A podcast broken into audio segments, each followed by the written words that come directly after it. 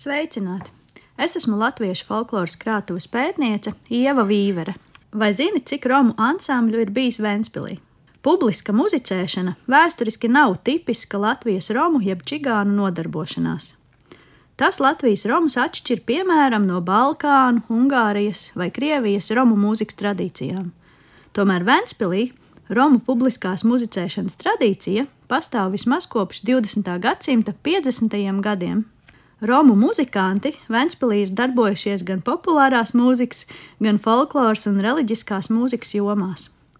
Ansambļu dibināšanā un vadīšanā bijuši iesaistīti gan paši Romi, gan nečigānu skolotāji, mūziķi, mūzikas producenti un citi. Atsevišķu ansambļu jeb sastāvu darbība lielākoties nav bijusi ilgāka par dažiem gadiem, un reizēm ansambļu sastāvi ir bijuši etniski jaukti, tāpēc eh, romu ansambļus saskaitīt eh, īsti nav iespējams. Tomēr es gribētu izcelt vairākus.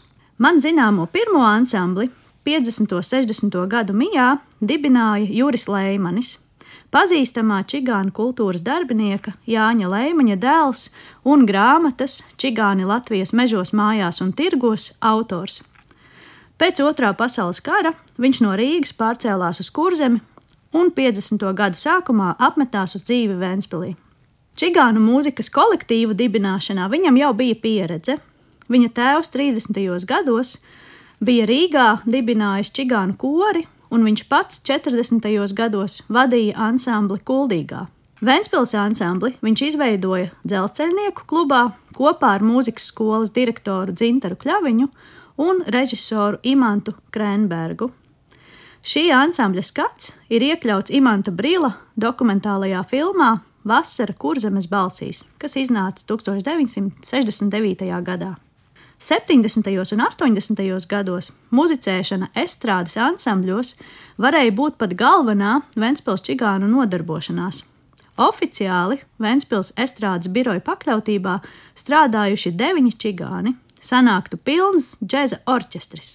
Kādu laiku vienā ansamblī spēlēja pat četri romi, taču kāda valsts amatpersona likusi ansambli izformēt, sakot, jūs ir pārāk daudz čigānu.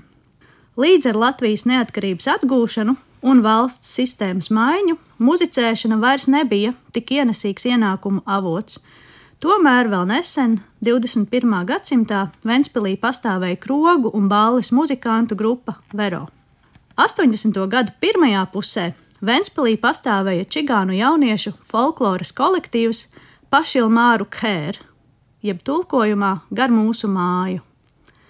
Tas bija dibināts pie Ventspils zivju konservu kombināta kluba, un tā vadītāja bija mūzikas teorijas skolotāja Ligita Vaļuka. Ansamblis bija aicināts piedalīties pirmajā lielajā Latvijas folkloras festivālā aizputē 1982. gadā. Organizatoriska pārpratuma dēļ ansamblis aizputē ieradās nepareizā laikā un bija vienīgais folkloras ansamblis, kas todien priecēja pilsētas iedzīvotājus. Kā atceras Ligita Vaļuka, pēc stundas aizputnieki manus čigānus pacēla uz rokām un ar ovācijām nesa ārā. Tāds mums bija pirmais folkloras festivāls Latvijā. Pēc Latvijas neatkarības atgūšanas vairāki romu ansambļi pastāvēja Ventspils vakara vidusskolā, kur jau kopš 1987. gada pastāvēja čigānu klases. Vecāko klašu ansambli Romenga Jāga jeb tulkojumā čigānu ugunskurs, vadīja skolotāja Gunita Grīnvalde. Arī citu skolas ansambļu vadītājas bija skolotājas nečigānietes. 2002. gadā Ventspils un Latvijas hip-hopā vidē sevi pieteica romu jaunieši Black Bullet un Big Name, kas sadarbojās ar mūziķu un producentu Andri Granbergu. Šajā gadā Ventspils Romu biedrības Ameromā rosināts un atbalstīts tapa arī jauniešu ansamblis Čerhena tulkojumā zvaigznes. Visbeidzot, daudzus gadus Ventspīlī pastāvēja arī kristīgās mūzikas grupa Drum Kudēl, tulkojumā Ceļš pie dieva. Tā tika izveidota 2001. gadā Ventspils Lutāņu baznīcas paspārnē un ir izdevusi vairākus kompaktdiskus un skanējusi Latvijas kristīgā radio ēterā. Cik man zināms, šobrīd Ventspīlī nav aktīvu publisku romu ansambļu, lielākoties romu emigrācijas dēļ. Tomēr romu mūzika turpina skanēt ģimenēs un draugzēs, un top arī jaunas ansambļu ieceres.